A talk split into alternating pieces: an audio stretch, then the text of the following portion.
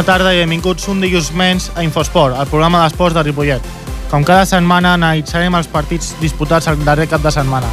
Un cap de setmana que és impossible parlar només d'esport. Els atemptats terroristes succeïts el divendres a París han sacsellat França i el món sencer. Els equips ripolletens, com el Club Futbol Ripollet, han homenatjat a les víctimes i, i han guardat un minut de silenci per aquests fets. Desitgem que mai més tornin a produir-se i que predomini la pau a tots els àmbits, tant a l'esport com a la societat, a la política, a tot el món.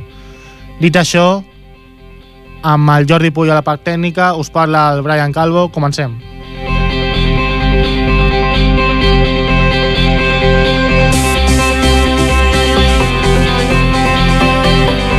Amb vol, amb vol. Comencem amb l'handbol i per això tinc el meu company, el Ferran. Ferran, bona tarda. Bona tarda, Brian. Què ha fet l'handbol aquest cap de setmana, el Ripollet? Doncs el club de Ripollet ha, fe- ha aconseguit una victòria a domicili contra un equip invicta, a 27 a 29 final. Els nois de l'handbol han aconseguit una victòria important aquest cap de setmana. L'equip ripolletenc ha visitat a la pista del Sant Andreu de la Barca, equip que només havia cedit un empat i arribava com líder a la cita. Tot un repte. El partit no ha començat favorable per als interessos dels visitants. Doncs l'equip de casa ha sortit molt endollat i concentrat. Però al minut 10, els nois del Club Handbol Ripollet han donat la volta a la situació i han aconseguit igualar les forces i el resultat. Malgrat això, el resultat a la mitja part ha acabat favorable amb dos gols per al Sant Andreu, amb un 17 a 15 al marcador. A la segona meitat el guió ha canviat i els jugadors del Ripollet han sortit més forts i per tant han dut la iniciativa del partit. Millorant la defensa i amb més encert de cara a porteria, al final del partit ha arribat amb 5 gols a favor dels visitants. Però l'empenta del Sant Andreu ha retallat dos gols i en els últims 10 minuts un dels jugadors rivals del Ripollet ha iniciat una pica de baralla que ha embrutat el partit, amb accions fora de lloc, sobretot pel bàndol local, eh, eh, que per, per sort tot ha acabat en un ensurt. Ara el Ripollet es referma en la sisena posició, empatat a punts amb el Sarrià i la pròxima jornada l'equip rebrà el Llagosta, un dels últims classificats. Per acabar de parlar, si no m'equivoco, tenim el Gerard Jordana. Gerard, bona tarda. Gerard Jordana, bona tarda. Sembla que no ens escolta. Gerard.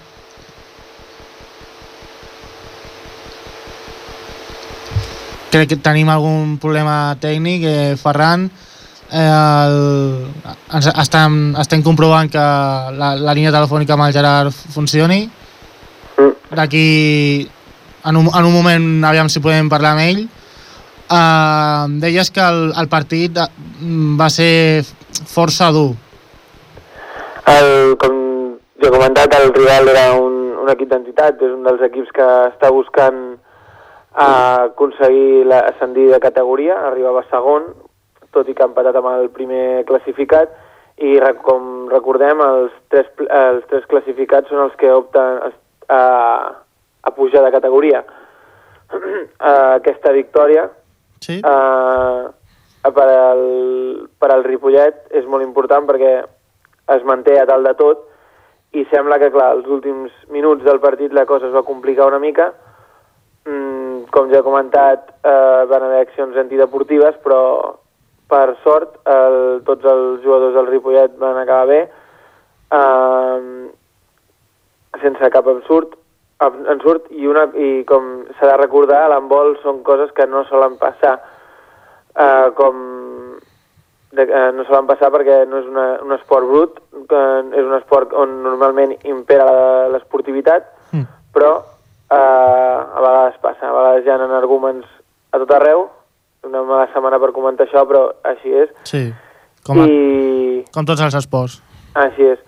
Ah, em comenten que ja està Gerard Jordana. Gerard, bona tarda. Hola, bona tarda. Ferran, tot teu. Uh, bona tarda, Gerard. Mm, com ja he comentat, és una victòria amb un, amb un equip uh, de dalt de tot. Esperàveu aconseguir aquests dos punts?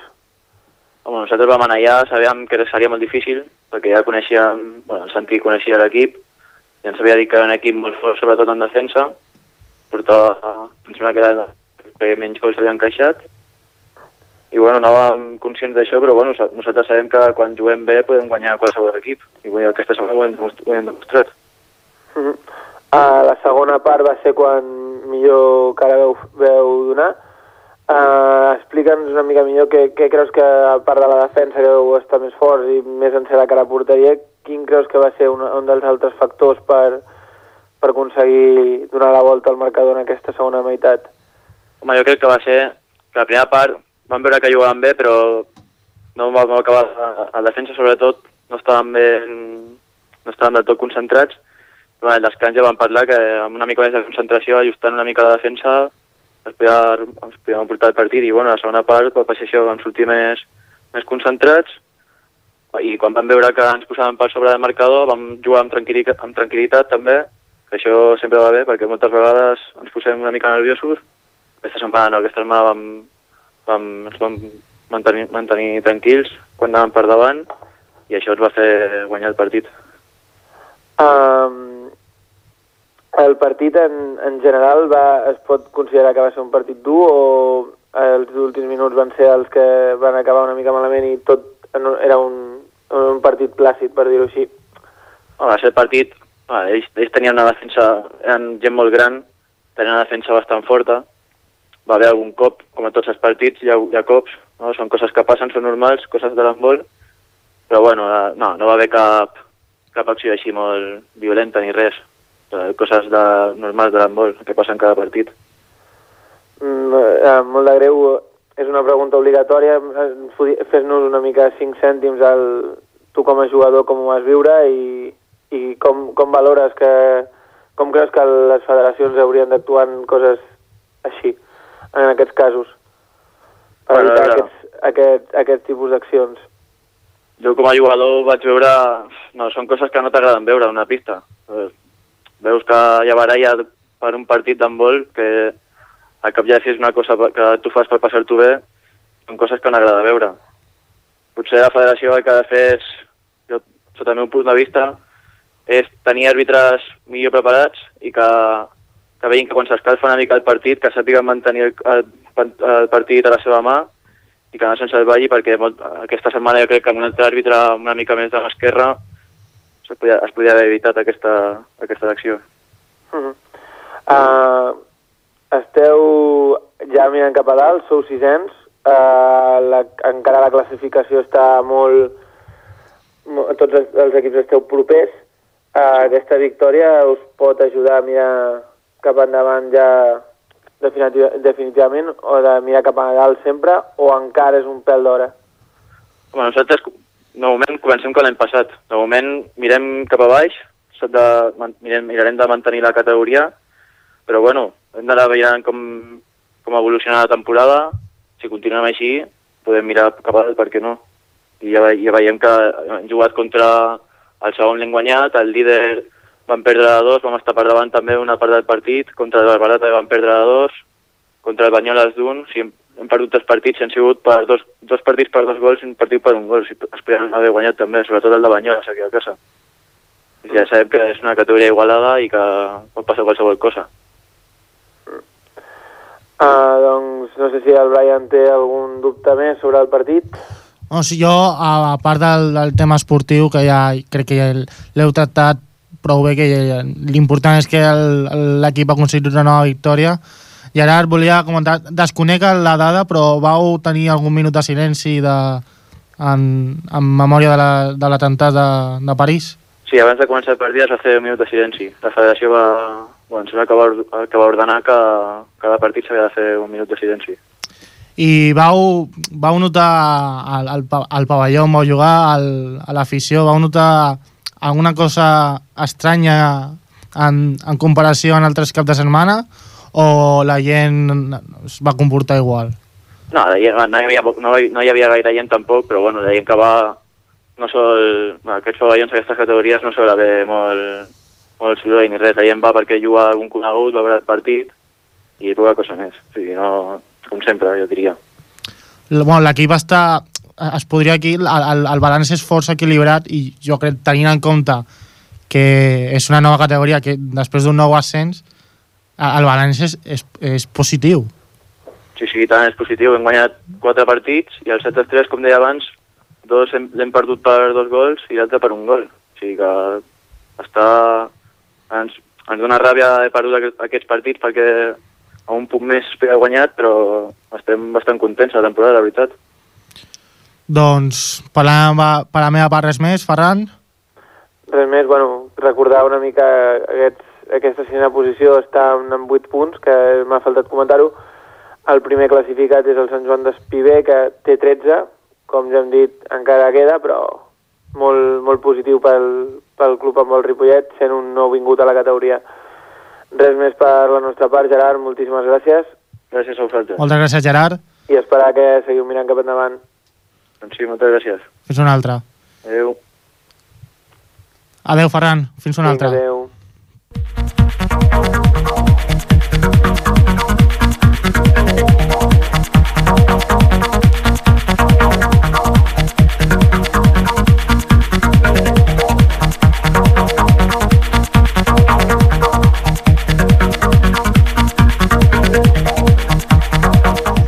Canviem d'esport i anem cap al tenis taula.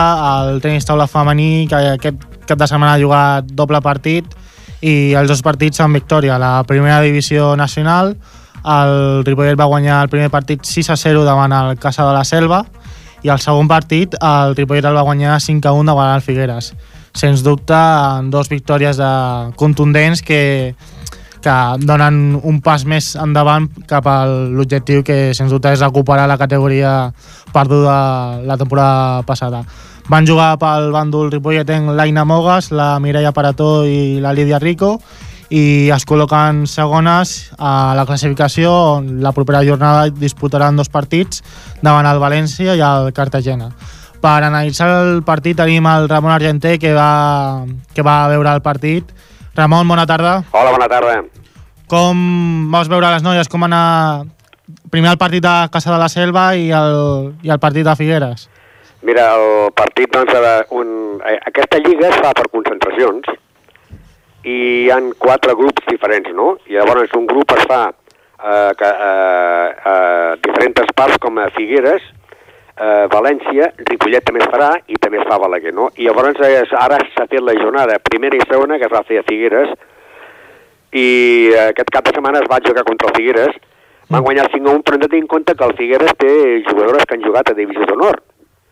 Inclús nosaltres, les jugadores que fem jugar, eh, fem jugar a l'equip infantil, perquè les tres noies que has nombrat doncs, eh, són jugadors de primer any d'infantils, i fem servir aquestes noies, no? El primer partit, doncs, eh, 5 a 1, perquè la jugadora eh, Aina Mogues, doncs, es va carregar, així ens... Eh, Sí, eh, literalment. literalment es va carregar a la número 1 de l'equip del Figueres, una jugadora que fa anys i anys que està jugant a la divisió, a la, inclús a la superdivisió, no? La va guanyar molt claríssim 3 a 1, i això les va, eh, la va desmotivar tant que inclús llavors va tornar a perdre amb la jugadora Lida Rico, que van quedar a ser un contundent 5 a 1. Sí. Eh, llavors l'altre partit es va jugar contra el Caçà de la Selva i es va guanyar amb un claríssim 6 a 0. Aqu- Les, les, les tres noies, el, eh, la Lídia Rico ja, ja va jugar alguns partits la temporada passada amb el primer equip del femení, però mm, no té molta experiència com sí que podien tenir la Julia López, l'Anna, l'Anna, aquestes noies amb, amb les dues victòries tan contundents, dir, són molt bones, no?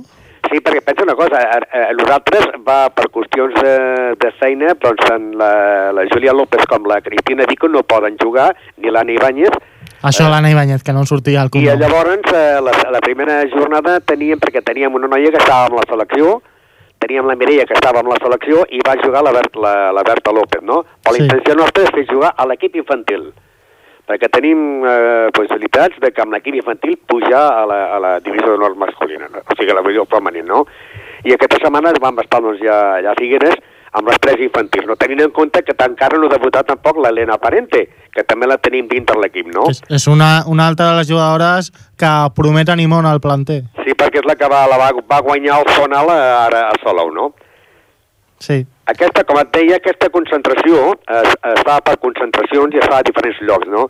Ara tenim que la propera serà el dia 12 de desembre El 12 de desembre s'ha d'anar a València i allà a València jugaríem nosaltres contra l'equip del...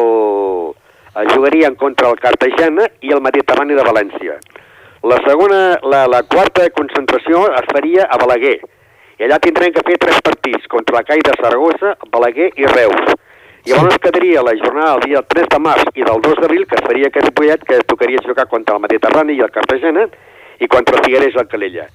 D'aquesta confrontació, doncs, eh, és a doble, a doble volta, però en concentracions, no? I una vegada acabi la Lliga, eh, dels quatre grups que hi ha, el campió puja automàticament i els altres tres de, de cada grup, eh, que seran 12 equips, fan una concentració, eh, encara per decidir per la Federació Espanyola, i llavors eh, estaran previstos per eh, pujar més equips a la Divisió de Nord.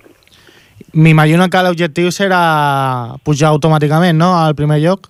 Sí, eh, ho teni, el primer lloc ho teníem bastant difícil a nivell, perquè, perquè amb l'equip del Reus doncs juguen dues veteranes eh, exjugadores de Divisió de Nord, de la Superdivisió de Nord, eh, Sí. sí. espanyoles, i a més a més tenen una russa. Tot i amb això, amb el Ripollet van perdre 4-2. La jugadora Berta López va estar a punt, a punt, a punt, eh, va perdre per avantatges amb la jugadora russa, no?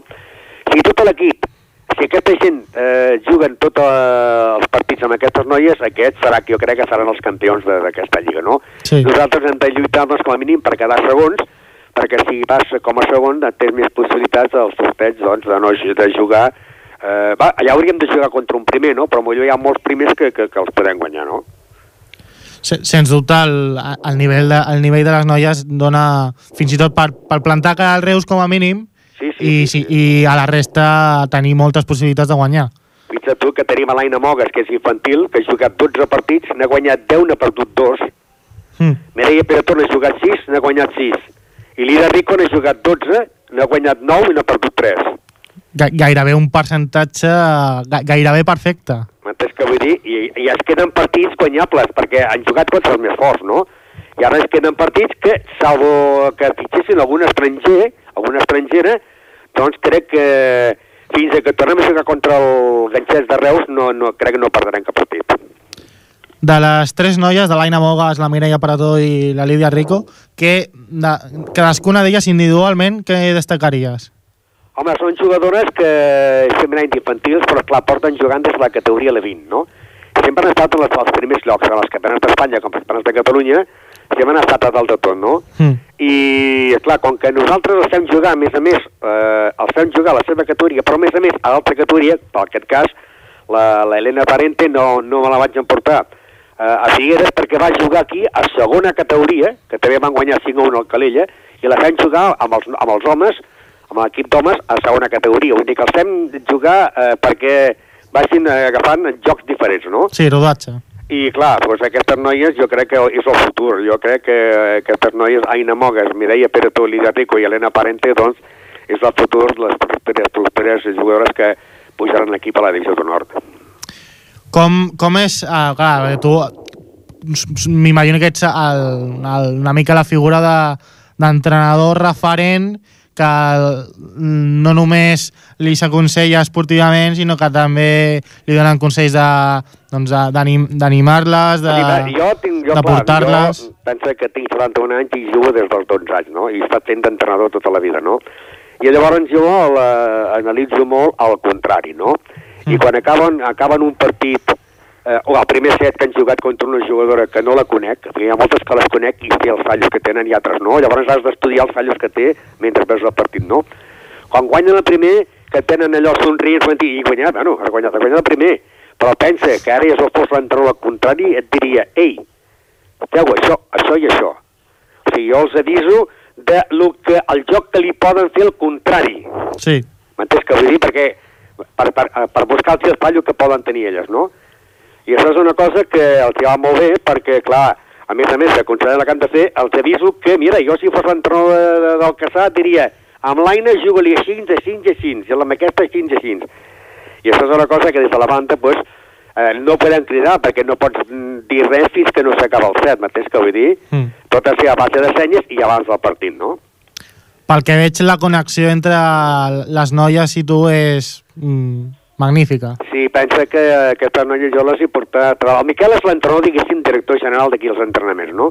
Però llavors, clar, cada club, cada equip té un entrenador que, el, que, que fa la banda, que fa l'entrenador delegat, que és el que se'n va amb elles els desplaçaments i, i, i fa als equips la correcció, no?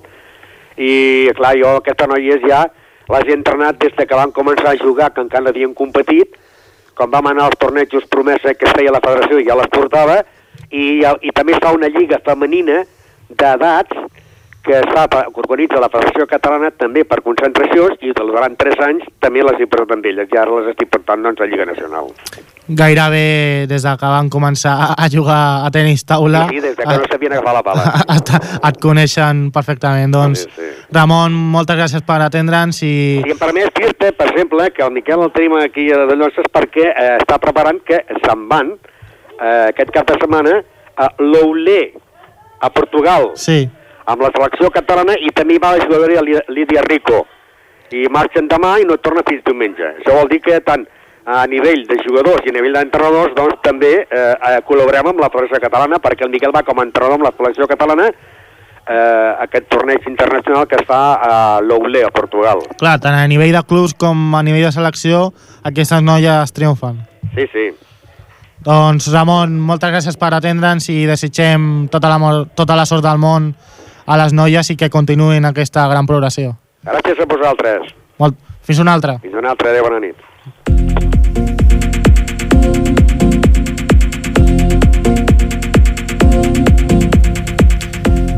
Tornem i canviem d'esport, anem cap al hockey patins, on aquesta jornada, el darrer cap de setmana, el hockey Ripollet ha disputat una nova jornada per analitzar el partit.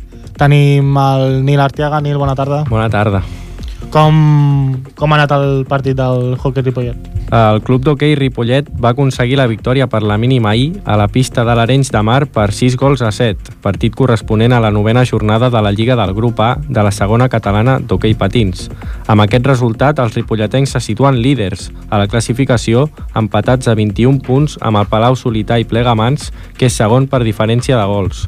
El Ripollet suma ja 7 victòries aquesta temporada, en la qual només ha perdut un partit.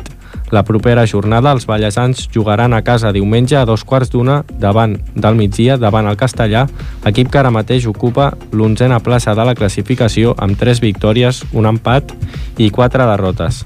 Per al partit contra l'Arenys de Mar, truquem amb Pep Nogueira, jugador del primer equip del, del club d'hoquei de Ripollet. Pep Nogueira, bona tarda. Hola, Pep. Bueno, en primer lloc, eh, des del programa et, et volem felicitar i felicitar també a tot l'equip que està fent una temporada excel·lent. Eh, Moltes, molt, molt, moltes gràcies.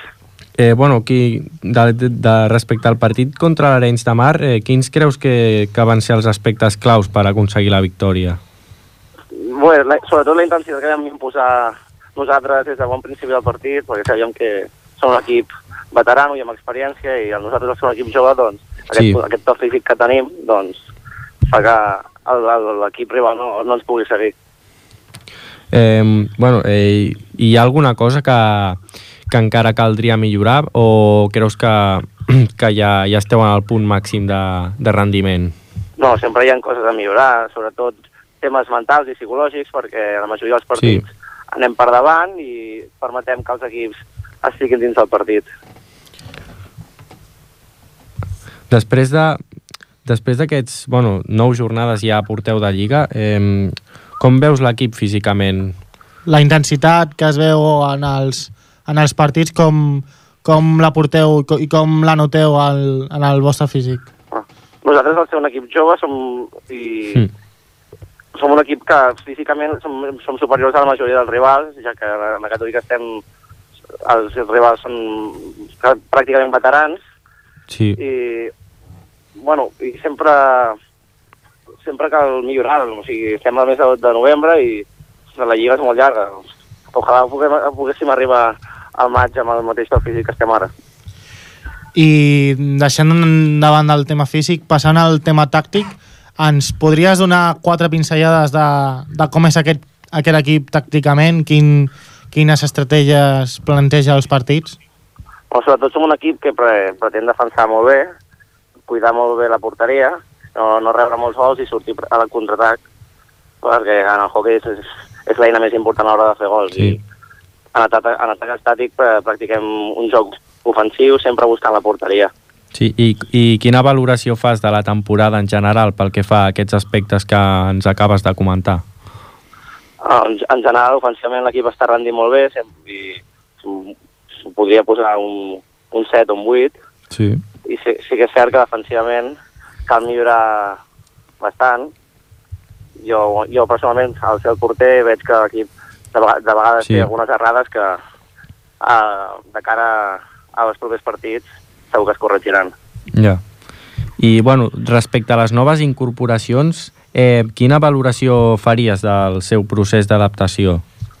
La veritat és que nosaltres som, som, un, som un grup molt unit i hem, jo des del, meu punt, des, del meu punt, des del meu punt de vista i, i de tot l'equip hem procurat que que hi ha un bon ambient perquè es puguin adaptar el més ràpid possible i així ha sigut. El bon, el bon ambient que hi ha hagut al vestuari Sí. i el vestuari ha favorit que, que pràcticament no es noti que són jugadors nous. Què destacaries d'aquests jugadors? Quines qualitats destacaries? El, el, les noves incorporacions són jugadors bàsicament de caràcter defensiu, que era el, el que més necessitava l'equip, Sí, i han donat aquell equilibri que l'equip necessitava, que, que l'any passat mancava, ja que molts partits estava molt perdut en defensa. ja.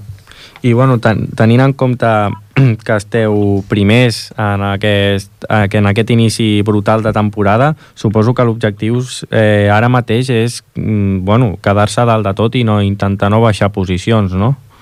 L'objectiu des de principi de temporada era l'ascens i ara que hem arribat a la primera posició i ja ens ha costat, però la, la, nostra, la nostra intenció és no, no deixar-la fins a final de temporada.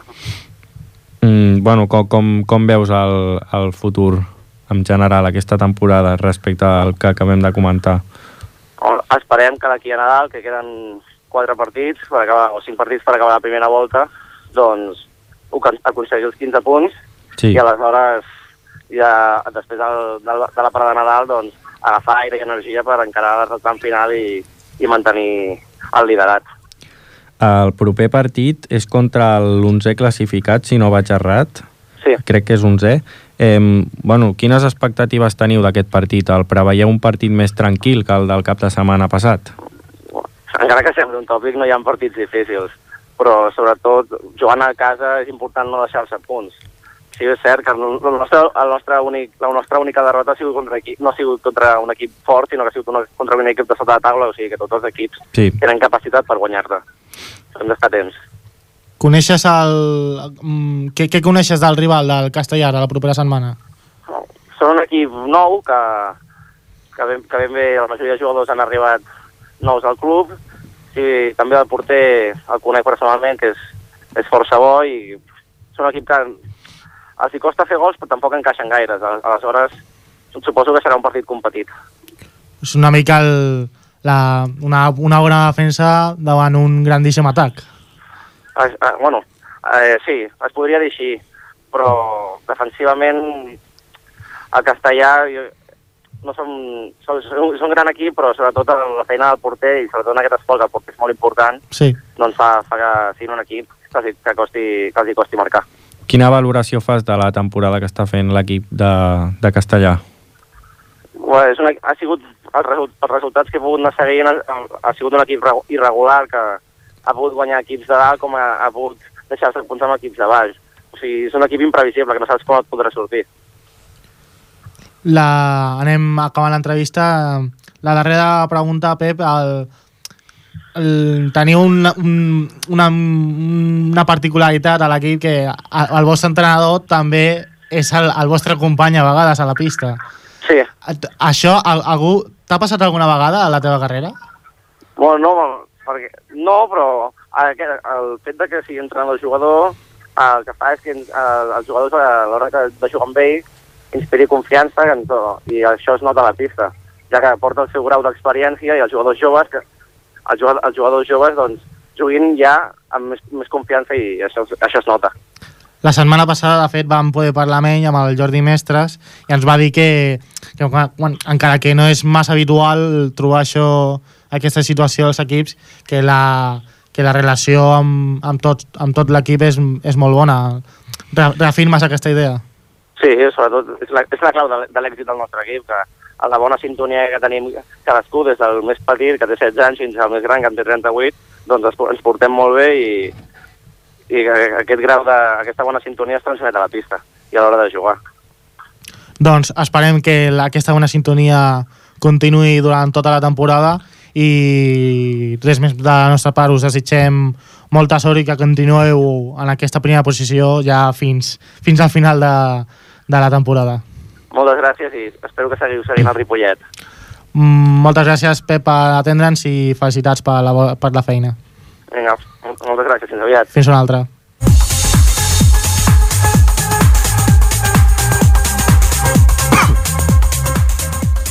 Canviem d'esport i anem cap al futbol Ripollet, que aquesta setmana ha disputat una nova, una nova jornada i per analitzar el partit del Club Futbol Ripollet tenim el nostre company, el Marc Mata. Marc, endavant. Bona tarda. El Club Futbol Ripollet s'endú els 3 punts davant el Camparellada. Ahir diumenge, amb les grades del municipal plenes de gom a gom, el Ripollet va guanyar davant el Camparellada per 2 a 1. El partit va estar dominat pels ripolletens, tot i que els visitants lluitaven per marcar gol. A 18 minuts de l'inici del primer temps va arribar el primer gol ripolletenc marcat per l'Enrique. Un gol molt esperat i molt celebrat tant al terreny de joc com a les grades. A partir d'aquest moment, els ripolletencs van començar a tenir moltes oportunitats de gol, però sense encarar a la, la pilota a la porteria. En aquesta part, els visitants varen tenir dues faltes a favor seu i també bones oportunitats de gol. La primera part va acabar amb el marcador 1 a 0. El segon temps va començar amb una falta directa a la frontal de l'àrea feta al Xema en el minut 50. Dos minuts més tard, el Marc Lombardo va estavellar la pilota a la barrera. En el minut 56 va haver una falta del Ripollet xutada per l'Enrique, una falta d'un passe de profunditat que va fer que la pilota estavellés al pal. En el minut 60, el Ripollet va tenir una bona oportunitat davant el porter que no es materialitzava per una errada en el control de la pilota.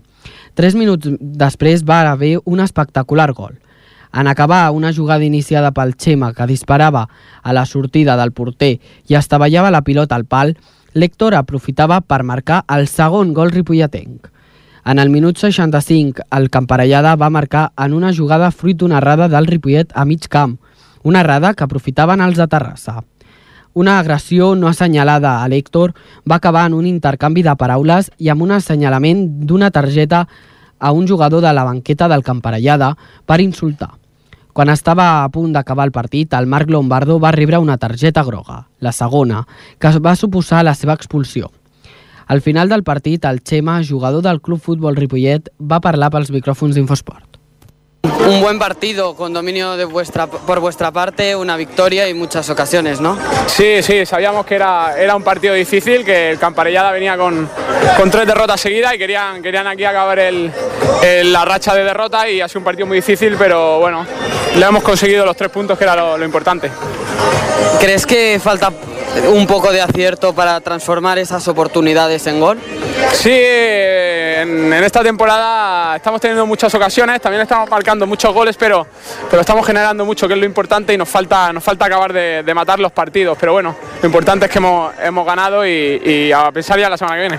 Hemos visto un mediocampo muy sólido que garantiza que eh, el dominio de- del partido, pero el ataque se basa en el acierto de dos hombres. Uno eres tú y el otro Héctor.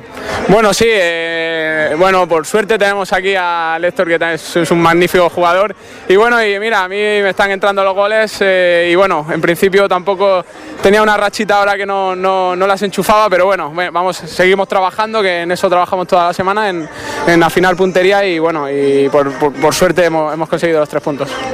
La intensidad del partido ha hecho que el- al final del partido hayamos visto más roces de los necesarios. Bueno, sí, estos partidos cuando, cuando está la cosa, cosa apretada, pues bueno, siempre, siempre hay jugadas un poco conflictivas, siempre saltan chispas, pero nada, los dos equipos íbamos, íbamos con deportividad y, y no, no ha pasado a mayores. L'equip es situa segon a la classificació amb 22 punts, 7 partits guanyats, un empatat i 3 perduts. La setmana que ve s'enfrontarà al Caldes de Montbui, un equip que va a la posició 14 i amb 10 punts de diferència. Moltes gràcies, Marc, per portar-nos aquesta anàlisi del Club Futbol Ripollet i anem cap a un altre esport. Passem al bàsquet, que aquesta jornada també ha disputat un partit més de la seva competició. Per analitzar el básquet tenim al, al Manuel Barón. Manuel, buenas tardes. Hola, buenas tardes, Brian. ¿Qué ha hecho el baloncesto este fin de semana? Pues, verás, en el día de ayer se disputaba un nuevo partido de baloncesto en el nuevo pabellón Francesc Barneda, eh, donde el Ripollet recibía al San Quirze.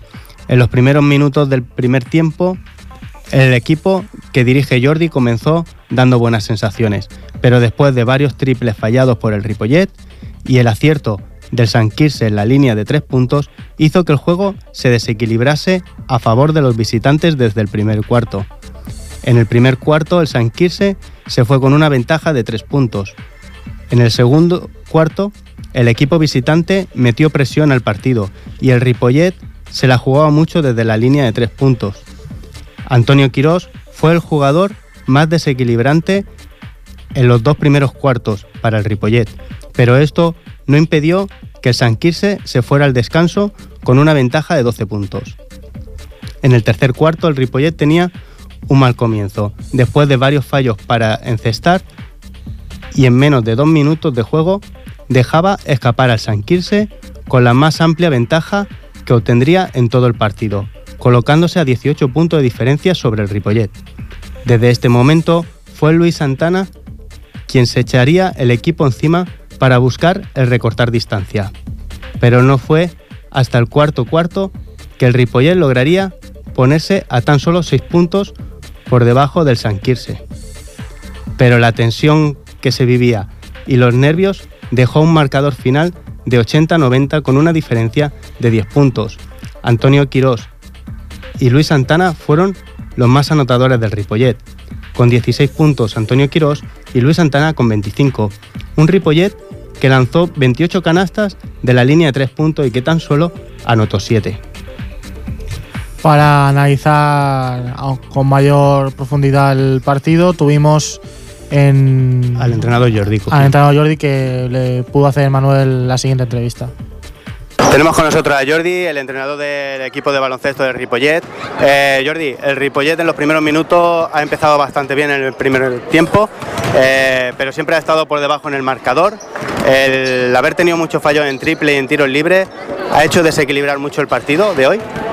Bueno, el- lo que ha desequilibrado es el- la diferencia de porcentajes de ellos y de nuestro. El, el problema es que hemos fallado bastante en lo que es normal y la intensidad que ellos han puesto a principio del partido nosotros no, no la hemos podido igualar. ¿Crees que ha faltado más agresividad a la hora de defender? Sí, sobre todo lo que comentábamos, a los dos primeros cuartos ellos han hecho tiros mucho más fáciles y eso lo hemos intentado variar en- a partir del tercer y cuarto cuarto. Y bueno, pienso que eh, hemos estado a punto de remontar, y- pero nos ha faltado un pelín de suerte. ¿Esperabais un partido eh, tan igualado como el del Prat o ves al, al San Quirze con un nivel mu- mucho más alto? No, es decir, toda esta liga, más o menos, exceptuando los dos primeros, que Natasio y Escolapilla, todos estaremos más o menos equipos igualados. Est- Están igual que nosotros en la tabla de clasificación. Y bueno, eh, hoy en día en esta categoría ningún partido es fácil. Eh, hablando justamente de la Escuela Pía, el próximo rival, eh, la Escuela no ha perdido ni un solo partido, no ha tenido ninguna sola derrota. ¿Cómo afrontáis este partido? ¿Esperáis vosotros ser los primeros? Eso es lo primero que esperemos. Pero bueno, será un partido complicado en su casa, jugadores con mucha calidad que el año pasado ya tenían un buen equipo y este año se han reforzado. Y esperemos a ver si podemos dar la campanada. Pero bueno, lo vamos a intentar seguro. Eh, ¿Cuáles son los objetivos del equipo esta temporada? Bueno, los objetivos lo mismo del año pasado, es decir, el año pasado estuvimos muy bien, el objetivo era mantenernos, no hacer la promoción de descenso y bueno, este año es igual, de, de al- como se vaya produciendo la liga y vayamos, y vayamos ah, afrontando los partidos, veremos dónde, dónde realmente estaremos, pero este, la intención nuestra es lo mismo que el año pasado, partido a partido y vamos a intentar salvarnos tranquil- tranquilos sin hacer la promoción.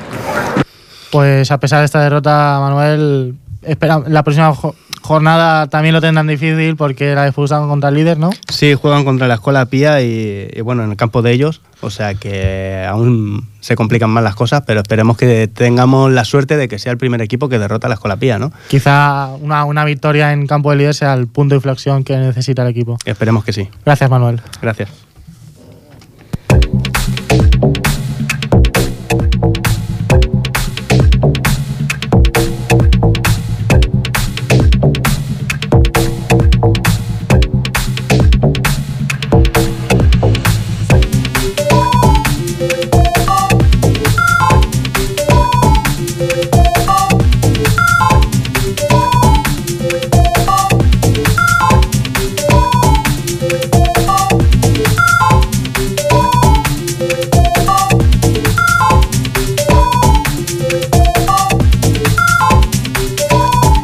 Doncs canviem per últim cop d'esport i anem cap, al, cap a la gimnàsia.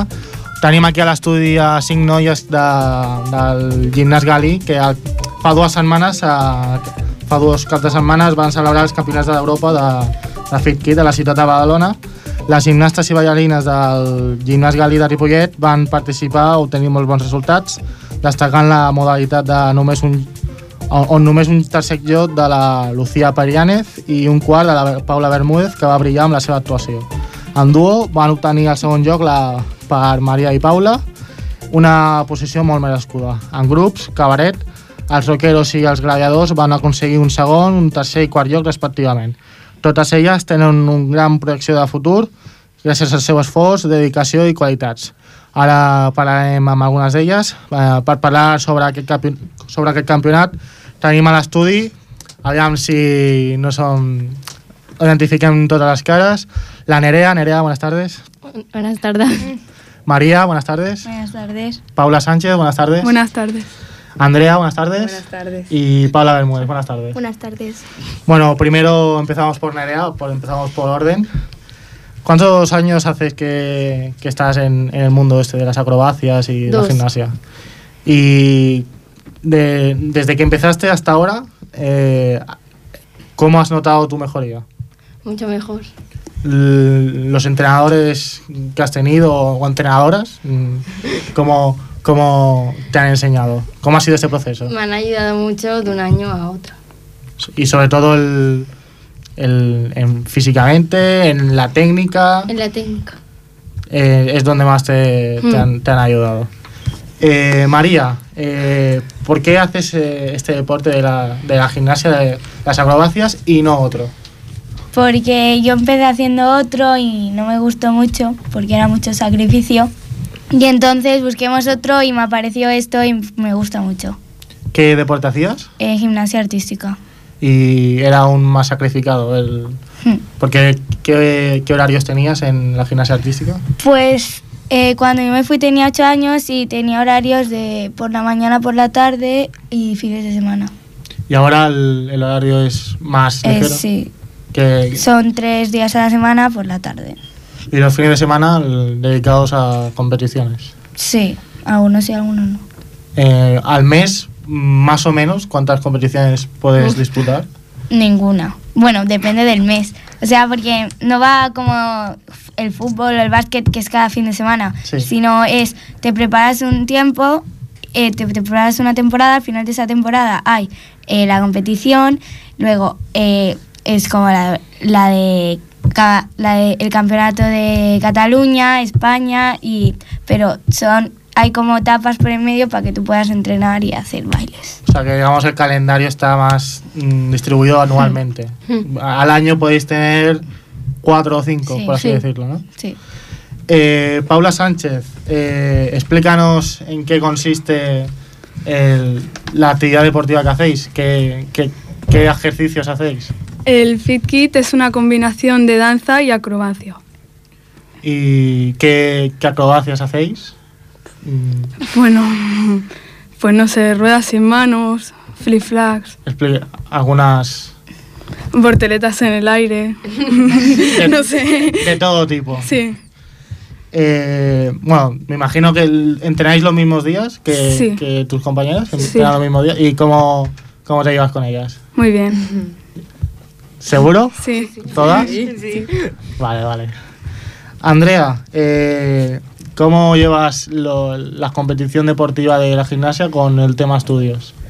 Pues me cuesta porque ahora he empezado bachillerato y me lo tengo que combinar bastante. Falto bastante, pero Al- a la hora de cuando hay exámenes. ¿Falta más al entrenamiento o a la, a Al entreno, al entreno. Al entreno. Sí. Bu- buena estudiante. ¿Qué, qué estudias? Bachillerato social, El, humanístico. ¿Tienes ya pensada alguna, alguna carrera? Sí, magisterio.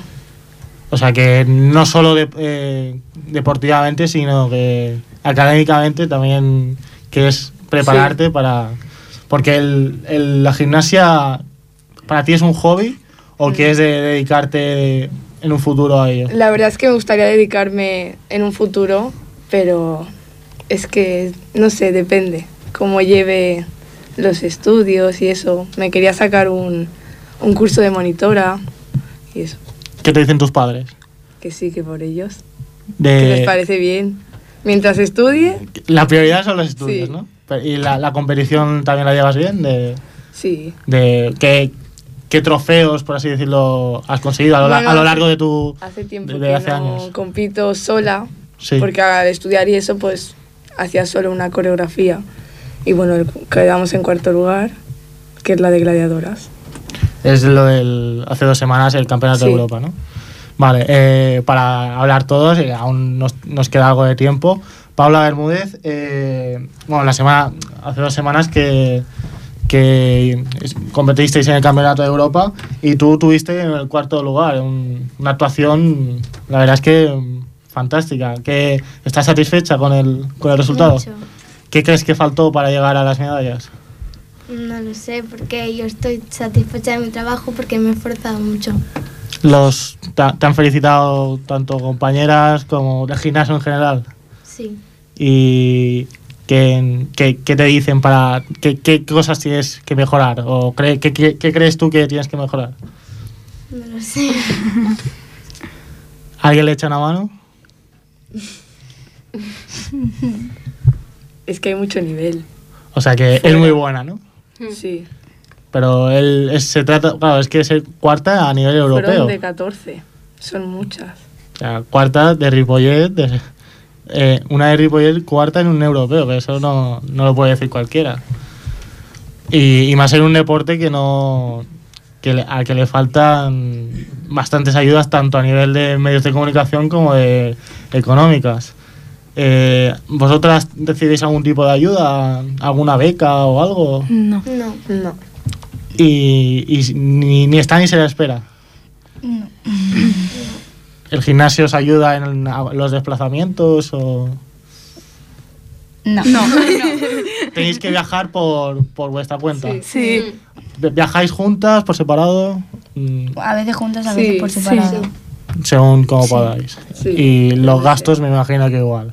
Sí. Os lo repart- el, el gimnasio, bueno, los entrenadores también os ayudan o... Porque ¿qué, qué entrenadores van con vosotras? Ella. Ella. La Ella Eva. que tiene un nombre, ¿cómo se llama? Eva. Y Eva. luego una chica más joven que se llama Angie.